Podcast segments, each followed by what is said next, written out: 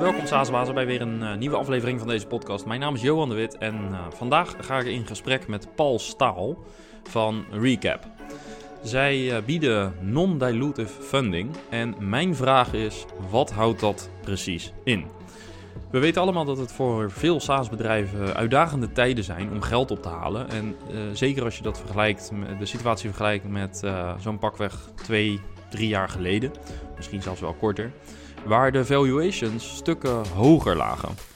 Maar toch kan het zijn dat je geld nodig hebt met je SaaS-bedrijf. En de vraag is dan, voor welke optie kies je? Voor welke funding optie kies je? Voor de ene is dat een angel investor, voor de andere een VC. Maar in toenemende mate zie ik SaaS-founders kiezen voor alternatieve oplossingen. Zoals bijvoorbeeld revenue-based finance of receivable-based finance. En vandaag gaat het dus over dit thema. En is dit gesprek alleen interessant als je geld wilt ophalen? Nee, want uh, onderdeel van het werk van Recap is het beoordelen van de performance van SaaS-bedrijven. En hij heeft hier samen met zijn team een risicomodel voor ontwikkeld op basis van 27 metrics. En vandaag gaat hij daarop in.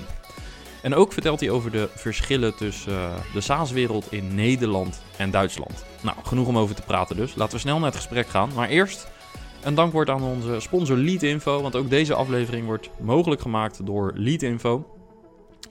Zij uh, helpen je om zakelijke websitebezoekers te identificeren.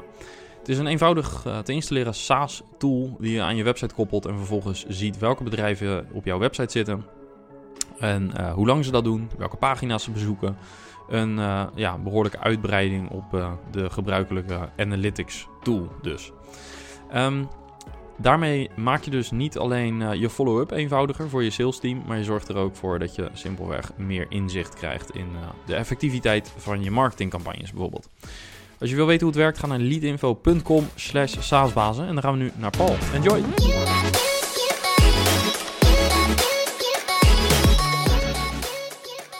Yes, Paul, van harte welkom in de Saasbazen podcast. Hey, bedankt. Hoi. Het uh, thema van vandaag is uh, non-dilutive funding. Um, en ja, mijn eerste vraag zou eigenlijk zijn: wat is dat? Maar misschien nog belangrijker is de vraag. Um, het gaat dus over geld ophalen om, om met je SaaS-bedrijf te groeien. En typisch gezien zien we dat uh, veel SaaS-bedrijven of naar angel investors gaan of naar venture capitalist. en eigenlijk non-dilutive funding is een alternatief daarop. Zullen we even kort schetsen wat de verschillende mogelijkheden zijn en wat non-dilutive dan in dit geval betekent en hoe jullie dat doen? Ja, zeker. Dat we graag doen. Um, ja, dus om te beginnen, ik denk, je hebt het al uh, aangesproken. Um, venture capital, angel investments zijn denk ik uh, meestal de um, gangbaarste vormen waar, waarmee je als, SaaS-bedrijf begint omdat uh, je aan het begin natuurlijk ook het hoogste risico hebt. En daarom heb je dan een vorm van financiering die ook uh, aan het risico en jouw succes participeert. Vol, net zoals jij als, als oprichter dan. Um, en uh, dat is juist voor het begin bij dat hoog risicoprofiel ook um, de, de juiste manier van financiering.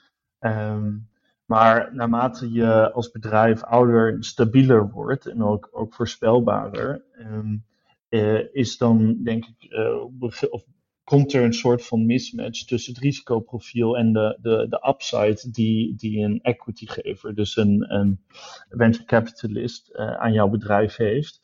Um, daar is op een gegeven moment een mismatch tussen, waar, waar um, SaaS-bedrijven die, die, zal ik maar zeggen, rond de seed of Series A staan en Series B, Um, nog steeds eigenlijk um, alleen de mogelijkheid hebben om, om, venture capital op te halen. En soms dan inmiddels ook venture debt, maar dat gaat meestal hand in hand. Um, en waar die bedrijven dan ook nog steeds nog niet bankable zijn door een traditionele belegger. En wij vinden dus dat, dat hun risicoprofiel eigenlijk beter staat dan, dan de kosten van deze financieringsmogelijkheden die ze hebben. Omdat als het goed met je bedrijf gaat, en ik denk daar gaat iedere SaaS-ondernemer vanuit, of die, die plant daarop dat het, dat het een succes wordt, um, dan is venture capital gewoon uh, met grote afstand de duurste manier waar je uh, geld kunt ophalen. Vooral als je al een bepaalde tractie hebt, omzet hebt en, en ook gewoon voorspelbaarheid hebt in je, in je groei, ehm, is gewoon ja, venture capital in onze ogen een beetje te duur op het moment. Ja, want je betaalt daar met, uh, met equity. En dat doe je dus uiteraard niet bij de, de andere financieringsmogelijkheden die we net noemden. Um, de, de term die ik het meest tegenkom is dan uh, eigenlijk uh, revenue-based finance. Maar tegenwoordig zie je ook receivable-based funding. Um, wat, wat zijn de verschillen tussen die twee op hoofdlijnen? Ja, dus um, revenue-based funding of financing is meestal ook gewoon een, een soort van lening. Um, maar daar wordt um, de, repayment schedule, dus hoe je terugbetaalt, is gekoppeld aan je topline omzet.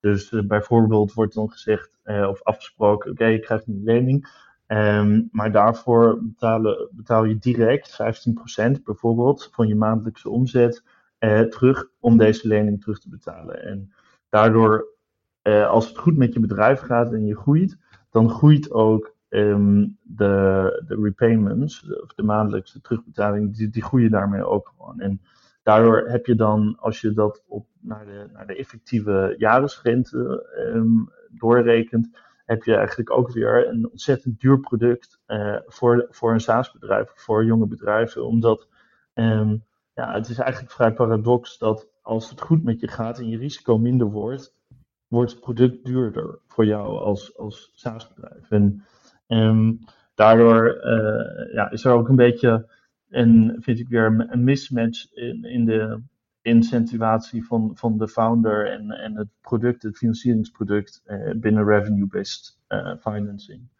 En wat wij dus doen, en sommige anderen ook, is receivable-based um, funding. En um, dat betekent dus dat wij concreet enkele contracten en receivables aankopen en het dan eigenlijk, um, dus qua definitie is het geen lening, maar het is een soort van asset purchase, waar we bestaande subscripties aankopen.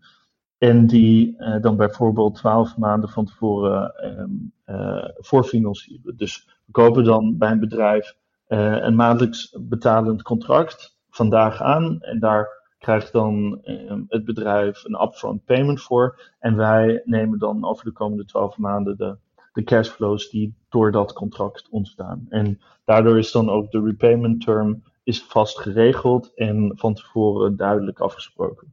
Ja, uh, een paar vragen daarover. De eerste die me opkomt is, uh, hoe zit het met churn op dat soort contracten? Ja, dus als je um, een churn hebt, bijvoorbeeld, ja, zoals je zegt, churn die, die waar dat bedrijf of waar het contract um, niet doorgaat voor een of andere reden, dan kan dat gewoon vervangen worden door een, gelijkwaardig contract. Dus dat checken we op een maandelijkse basis en kijken we naar, naar het revenue portfolio wat we gekocht hebben en kijken gewoon, oké, waar zit de mutatie in? En bij die contracten, die kunnen gewoon vervangen worden. En daar letten we dan ook altijd op dat er een, um, replacement pool is die groot genoeg is en dat is dan een beetje afhankelijk van het individuele uh, risicoprofiel voor elk bedrijf. Um, en uh, daaraan schetsen we dan ook hoe groot de percentage is van je totale omzet, dus van je current ARR, um, die, die je bij, bij ons kunt traden. Ja, en, en wat is het verschil tussen factoring en, en dit? Mm, nou, het is eigenlijk qua, qua in eh, principe is het hetzelfde. Um, het enige grote verschil, of het echte verschil, is dat als je naar een traditionele of klassieke factoring bedrijf kijkt, die, die kopen alleen uh, bestaande receivables aan. Dus receivables die je al op je balans hebt. En um, dat uh, heb je niet als je bijvoorbeeld uh, een maandelijkse recurring contract hebt, of wat maandelijks, um, wat je maandelijks kunt verwijderen dan heb je als bedrijf maximaal altijd één maandje als receivable op je, op je boeken staan. En um, wat wij dus dan ook doen, is dat terwijl die receivables er nog niet staan, hebben we uh, een manier gevonden, contractueel, hoe we dan ook op basis van die klantenrelatie, dus die receivables die nog niet echt bestaan, maar wel al kunnen aankopen. en hoe berekenen jullie dat? Bereken je dat op basis van gemiddelde LTV bijvoorbeeld? Of welk model zit daarachter? Daar kijken we gewoon naar de, naar de actuele run rate. Dus bijvoorbeeld als je nu ja, maandelijks contract hebt met een klant, die betaalt je elke maand 100 euro dan uh, zien we daar over de komende 12 maanden een waarde van 1200 euro. Ja. En, en als dat verandert, bijvoorbeeld als die, als die klant dan um, uh, een downgrade doet naar een kleiner contract bijvoorbeeld, dan, dan moet dat contract gewoon met een ander contract vervangen worden die nog 100 euro uh, per maand betaalt. Oké, en, en hoe worden de kosten berekend die, uh, voor het, voor het SaaS-bedrijf? Dat is dan waarschijnlijk op basis ook onder andere van dat model wat jullie hebben, dat risicomodel. Precies, ja. ja. Dus um, wat we doen en, en hoe we het doen is dat we naar, naar drie databronnen kijken eigenlijk. we kijken naar de, naar de bank- en transactiedata via, via open banking API's. we kijken naar de subscriptiedata, um, dus daar kijken naar de contracten en de rekeningen. Um, ook via subscription management tools. Um, Recurly, ChargeBee en hoe ze allemaal heten. En we kijken naar de accounting data. En dat kan dan ook um, uh, of uh, manueel geüpload worden, of we kunnen ook via API's als, als bestaande, bekende um, of accounting tools gebruikt worden. Dan, dan kunnen we die ook via API's gewoon aantappen. En nou, dan hebben wij uh, een scorecard die ten grootste dele geautomatiseerd is en waar we dus al die raw data die we via API's verzamelen en door bepaalde scripten laten lopen om daar dan een uh, totale risicoscore voor te bepalen per bedrijf. En van dat risicoscore krijgen we dan ook onze commercial terms, dus dat heet Um, hoeveel procent van je ARR kun je, kun je eh, voorfinancieren bij ons? Dat zit dus tussen 20 en 60 procent van je total ARR. Dus om dan altijd een replacement pool te hebben als bijvoorbeeld enkele contracten churnen. Um, en ook uh, de kosten worden daardoor betaald. En wij hebben dan dus op het moment um, een uh, spectrum van 5 tot 15 procent discount op jouw omzet. Die wij, die wij dan nemen. Ja, en dat is dus gebaseerd op dat, op dat risicomodel. Um, dus, dus even om het helemaal plat te slaan. Um, als ik geld wil ophalen, ga ik um, nou, naar een eh, VC eh, of angel investor. Die stelt een bepaald bedrag beschikbaar in ruil voor aandelen, equity. bij jullie koppel ik mijn uh, tools, mijn boekhoudtools, uh, subscription management en ga zo door, koppel ik aan jullie systeem. Vervolgens analyseren jullie de gezondheid van die data. En daar komt een voorstel uitrollen om ehm, ja, eigenlijk als, als, een, als, als beschikbaar gesteld kapitaal. Um, waar ik uh, dus de kosten over betaal die, die, je, die je net hebt. Ja, hoe jullie die net berekenen, wat je daar net over hebt gezegd. Um, kun je ons wat, wat meer inzicht geven in hoe, die, hoe dat risicomodel eruit ziet? Dus wat zijn de belangrijkste metrics om, waar, waar jullie naar kijken? Welke wegen het zwaarst? Ja, zeker. Um, ik denk dat um, komt ook helemaal van de komt uit de filosofie die, we, die wij hebben en, en waar we in geloven, is dat, dat we dus vinden dat um, SaaS-bedrijven um, stabieler zijn uh, met hun recurring revenues dan, dan vaak aangenomen, vooral door, door uh, traditionele kredietgevers of financieringaanbieders zoals banken. En um, daarom focussen wij in ons risicomodel heel erg op de omzet en de, de klantenbasis van een bedrijf. Dus daar kijken we um, heel erg naar de klanten en de omzet als een soort van eigen asset portfolio. En daar, daar komen we ook een beetje vandaan in onze analyses. Dus um, we kijken naar de omzet, we kijken naar volatiliteit, naar net dollar retentions qua verschillende cohortes, dus aan, aan ACB's, annual contract values. Uh, we kijken naar um, klantenconcentratie, dus hoeveel omzet komt van je top 3 klanten, hoeveel van je top 10 klanten. Um, volatiliteit, ja, dat heb ik al gezegd, maar ook uh, bijvoorbeeld trends churn. Dus voor churn is dat minder geworden, is dat stabieler geworden over de laatste twaalf maanden. Um, en dat is dus één categorie van, van onze scorecard, de grootste. Ehm, we, hebben vier, we hebben vier verschillende categories. Ehm, en dan uh, naast dus de revenue en klanten hebben we, kijken we naar de unit economics en financial health, noemen we dat. Dus daar kijken we dan ook, is er bijvoorbeeld, staan er andere leningen, hoe is de, de equity marge, um, maar ook uh, heel SaaS-specifieke um, metrics zoals customer lifetime value to customer acquisition cost, gross profit margins, uh, operating income margins. Um, die we dan allemaal benchmarken en een score voor geven. Um, en dan natuurlijk ook naar de liquiditeit, uh, cashflows. Dus we kijken naar runway, efficiency scores, um, customer acquisition cost, payback periods. Dus dat, daar zijn wij gewoon ook qua ons risicomodel heel erg specifiek op, op SaaS-bedrijven ingegaan. En hebben gekeken van wat zijn, wat zijn ook wel vaak de metrics die VC's um, heel belang, belangrijk vinden. Of die gewoon ook, ook SaaS-bazen heel belangrijk vinden. Um, en um, uh, hoe kunnen we daar uh, gewoon tailor-made een, een risicomodel uh, opzetten, dat we, dat we daar gewoon de meest faire terms eigenlijk ook aan kunnen bieden. En ja, dat, dat risicoprofiel van SaaS-bedrijven gerecht worden, ook in, in dan de, uiteindelijk de financial terms. Ja, en, en wat, zijn, um, wat, wat zijn de um, meer de kwalitatieve metrics of, of uh, gegevens waar jullie naar kijken? -hmm.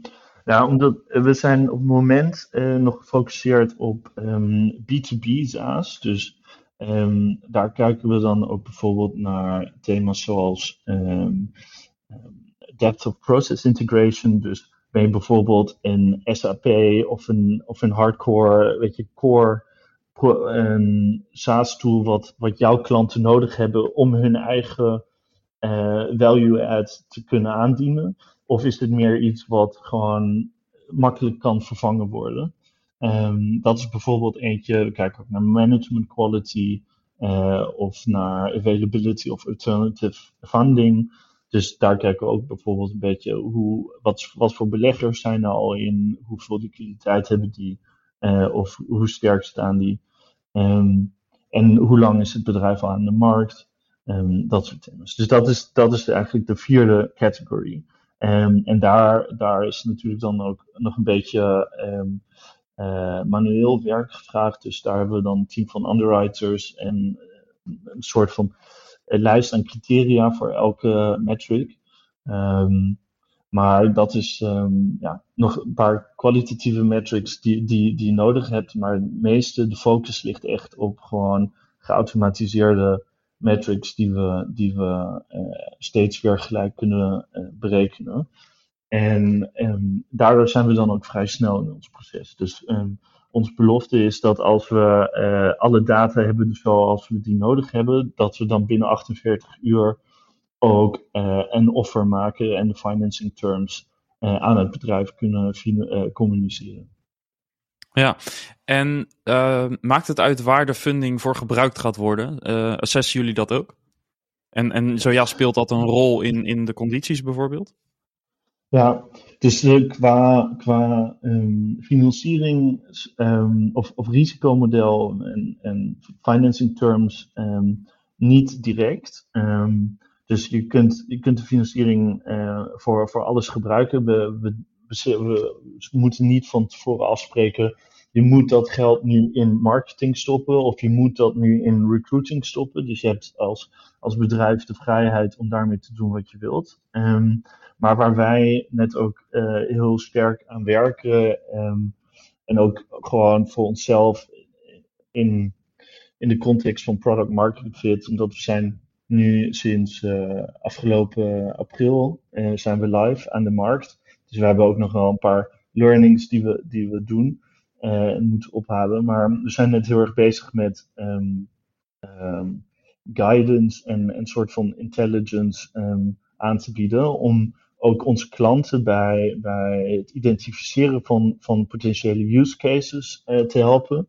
Maar ook onszelf een beetje te helpen van te bezig te begrijpen Um, wat voor klanten hebben deze financiering nodig en wie gebruikt het waarvoor en waarvoor kun je nou het echt het, de financiering het beste voor gebruiken. En ehm, heel veel van die intelligence die we dus uh, al doen om het risicoprofiel te bepalen, kunnen we eigenlijk ook gebruiken om daaruit um, actionable intelligence te maken. Dus of op de operationele kant, dat we kunnen laten zien, hey, waar, waar liggen je sterkste punten, waar liggen je zwakke punten, maar ook aan de funding kant. Dus hey, in welke fase ben je net? Um, ben, je, ben je vlak voor een grote rollout van, van marketing? Of uh, hey, heb je eigenlijk al een heel goede uh, customer lifetime, customer acquisition cost um, ratio? En zou je niet daarop willen focussen of daar meer geld in stoppen? Dus dat we daar gewoon aan beide kanten operationeel en, en ook financieringstechnisch um, meer guidance en intelligence nu al aanbieden aan onze klanten. Dus heel veel van die, van die metrics die we in ons scorecard gebruiken, die geven we ook zo door aan de klanten als ze één keer het proces door zijn gelopen. Dus als ze de data ter beschikking gesteld hebben en dan ook zonder dat ze een transactie um, moeten doen of zo. Dus dat, dat, dat geven we al aan of terug.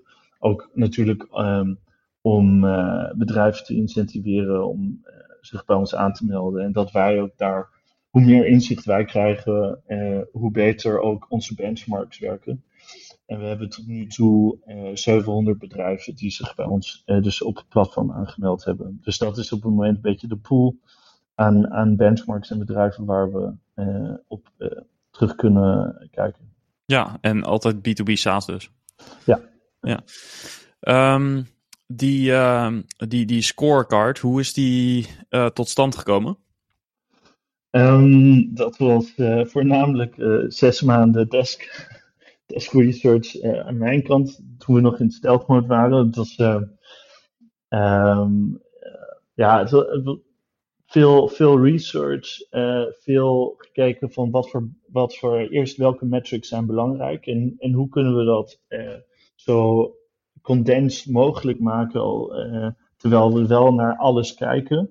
Um, en dat is dan een vrij iteratieve proces, dat je met een heel lange lijst aan metrics begint en dan kijkt van uh, wat zijn de echt belangrijke en waar is er misschien zijn er redundanties. Um, en dan uh, is natuurlijk de volgende vraag ook welke metric breken je hoe, omdat je zult het waarschijnlijk ook kennen. Um, iedereen met een blog of iedere tweede, tweede VC heeft zijn eigen gouden formula voor elke metric. Dus hoe moet je de customer lifetime value berekenen? Hoe moet je de customer acquisition cost berekenen? Nou, ik vind dat is voor elk bedrijf wel een beetje anders. Maar wij moesten wel dan kijken hoe uh, een, een, manier te, of een uh, formula te vinden die, die we voor elk bedrijf aan kunnen bieden. Of waar we het altijd op dezelfde manier kunnen berekenen. En dan was het veel research over benchmarks. Dus um, veel, veel databronnen hebben we vergeleken en gekeken. Um, wat, zijn, wat, wat staat goed aangeschreven als goede benchmark, als slechte benchmark. Um, en ja, dat, is al, dat hebben we nu al inmiddels ook al een heel, een heel goed stuk gefine-tuned. dus aan het begin heet het eigenlijk dan eh, een soort van expert-based scorecard, noem je dat dan. Als het nog niet op een echte datapool um, opbouwt. Maar die, die hebben we dus inmiddels nu al um, opgebouwd. En, en, dan kun je ook echt beginnen um, daar te kijken en analyses uh, te, te doen. Om te kijken van, hey, wat is nu eigenlijk, waar zit je in de benchmark? Binnen welk segment? Omdat natuurlijk elke benchmark is ook nog een keer anders voor uh, bedrijven in verschillende fases. dus je hebt bijvoorbeeld dan groei van een heel jong klein bedrijf.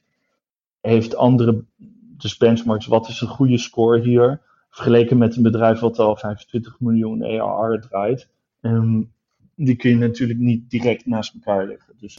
Nee, en ik kan me voorstellen dat er nog heel veel variabelen zijn die uh, behoorlijk kunnen afwijken. Dus je kan, zou dezelfde ERR kunnen hebben. Maar als het ene bedrijf uh, enterprise organisaties target en de andere doet uh, klein MKB met uh, navenant ACV, ik denk dat dat dan een behoorlijk verschil maakt in je volume, data, je sales cycle lengte, dat soort dingen. Precies, ja. Ja, ook dat. En, en daar hebben we bijvoorbeeld dan ook voor de NDR, dus de, de net dollar retention, verschillende cohortes. En binnen ook één scorecard. Dus dat je, zeggen, weet je, de, de churn bij een NKB klant zal altijd wel wat hoger liggen dan als je een enterprise klant hebt. En bij een enterprise klant verwacht je ook meer upselling en cross-selling dan bij een kleine klant. Dus um, ja, dat zijn al, al dat soort thema's die we, die we daar ook um, uh, opgenomen hebben in, in al die verschillende dimensies. Dus dat was, ja, ik denk dat uiteindelijk hebben we daar echt een beetje uh, zes, zes tot acht maanden mee uh, geëxperimenteerd en gesleuteld. Tot we daar een scorecard hadden met die we tevreden waren. En, die ook dan ook overtuigend genoeg was om, om voor ons daar uh, op baserend ook een, uh, een kredietfaciliteit op te halen. Dus we zijn nu met. We hebben um, 100 miljoen liquiditeit door Silicon Valley Bank um, ter vervoeging ter beschikking om, om dat weer door te lenen aan SaaS-bedrijven in Nederland en Duitsland op dit moment. Um, en ja, naast dat hele optuigen van de scorecard en ook ons uh, digitaal product, moesten we ook nog het, het, financiële product op de benen zetten. Dus ook gewoon uh, ja, de hele juridische uh, structuur daarop zetten. En dat is bij zo'n fintech altijd wel ook een goed, goed stuk werk wat je, waar je aan moet voldoen. Ja. Um, dat kan ik me zo voorstellen, ja. Um, ja je gaf het uh, net al aan, hè, dus jullie uh, doen dit vooral nu voor Duitse en Nederlandse SaaS-bedrijven. Jij uh, werkt ook vanuit Berlijn. Op dit moment ben je ook in Berlijn, als ik me niet vergis. Ja.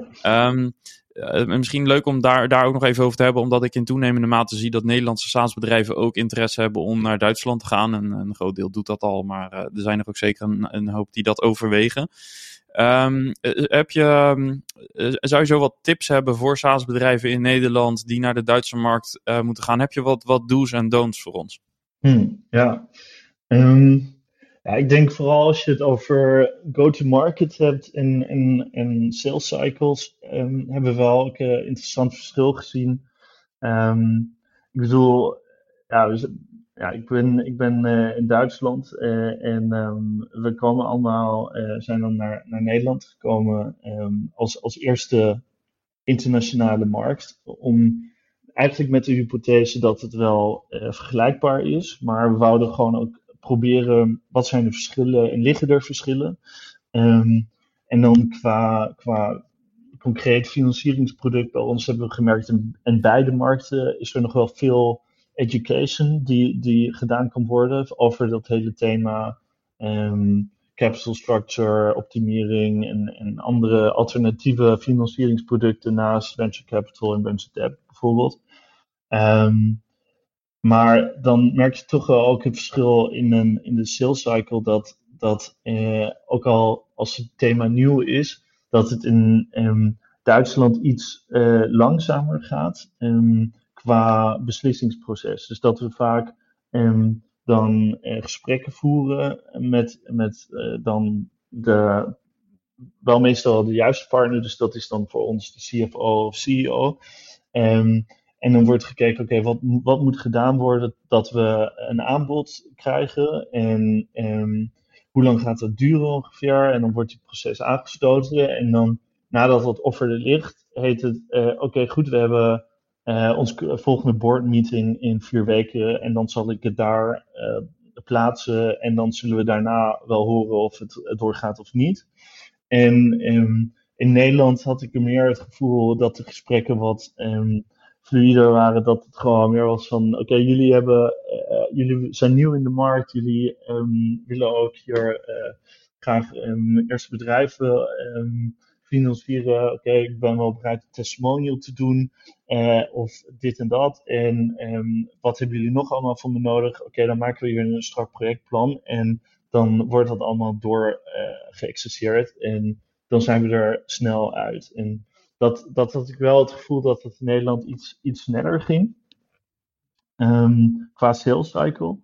Um, maar uh, ja, en dan, dan heb je ook nog het thema algemeen, hoe treed je op in de markt? Um, daar denk ik is het uh, in Nederland wat makkelijker via multiplicatoren en, en bepaalde soort van networking aan interessante leads te komen. Omdat ik, ik denk dat Nederland wat uh, vrijer, ook binnen een peer group, over ehm, tips en do's en don'ts gesproken wordt.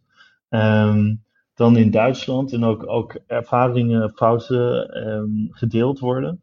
En in Duitsland was het voor ons belangrijker of, of, of beter om via uh, ja, een soort van reputation building te gaan. Dus vakbladen te, te, sponsoren of daar uh, artikels eh, te landen of uh, bij een conferentie te zijn. En dan als, als mensen horen, ja oké, okay, je was al bij die conferentie of, of ja, ik heb een artikel over jullie gelezen in dat en dat magazijn, dan um, was dat toch wel een sterke dooropener in, in Duitsland. Dus ik denk, daar is een beetje ja, als je, als je het zo kunt noemen, de reputation building is in Duitsland wel um, ja, vrij belangrijk. En ja. uh, dat, dat helpt om, om uh, goed waargenomen te worden. Ja. ja, en ik hoor ook regelmatig van founders die de stap al gezet hebben naar Duitsland, dat, uh, er, uh, dat de geografische verschillen ook nog wel uitmaken. Dat er grote verschillen zijn tussen bijvoorbeeld het Roergebied en, en München of Berlijn, um, als het gaat om uh, adoptie van SaaS. Is dat ook jouw ervaring?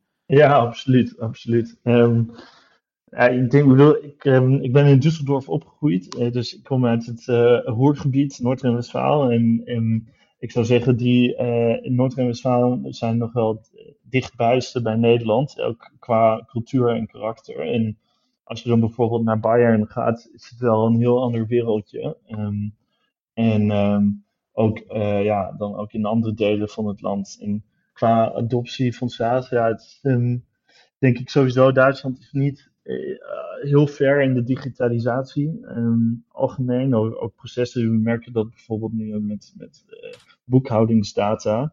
En dat is eigenlijk niet te verkrijgen in Duitsland via API's. Dat, de, daar, daar zijn we nog ver vanaf.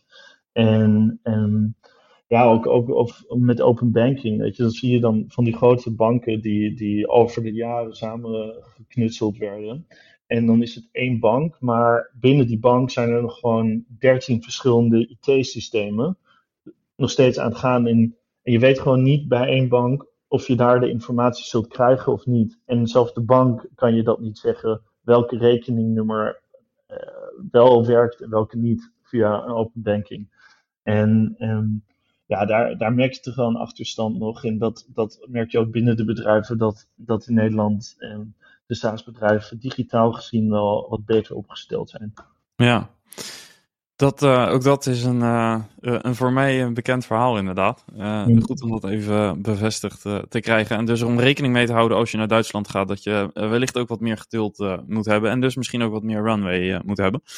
Um, tot slot, je hebt veel verteld over uh, de financieringsmogelijkheden. Um, als mensen met jullie in contact uh, willen komen, wat uh, kunnen ze het beste doen? Hoe kunnen ze dat het beste doen? En misschien ook even een korte nou, recap, als we het daarover hebben, van, van hoe dat proces werkt om, om je data te koppelen.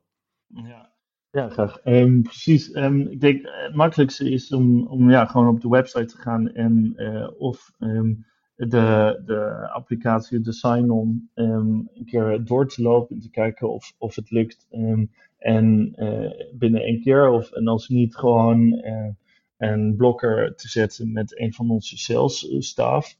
Um, die zijn nu heel erg bezig ook met ja, een soort van de guidance en use case identification uit te rollen.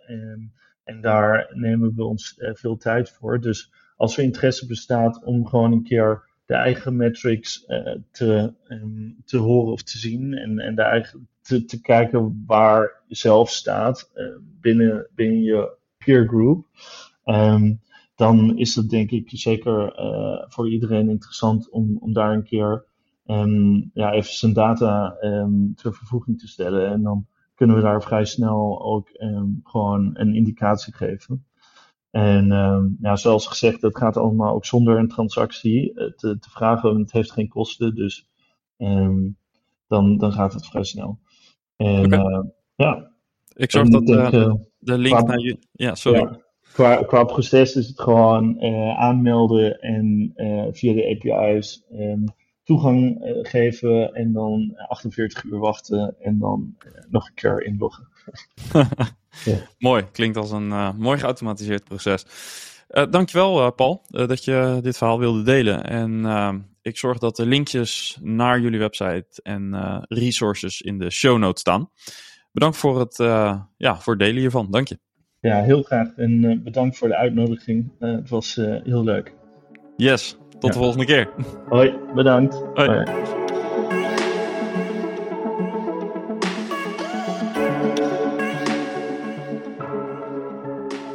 En tot zover het gesprek van vandaag. Bedankt voor het luisteren weer.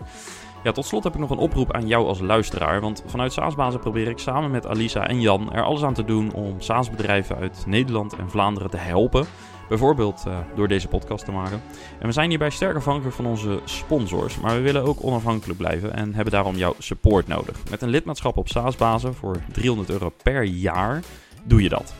Als je lid wordt, kunnen we ja, meer waarde teruggeven. En bovendien krijg je er, uh, ja, je krijgt er dus ook veel zelf voor terug. Want allereerst krijg je korting op onze events, voorrang bij events.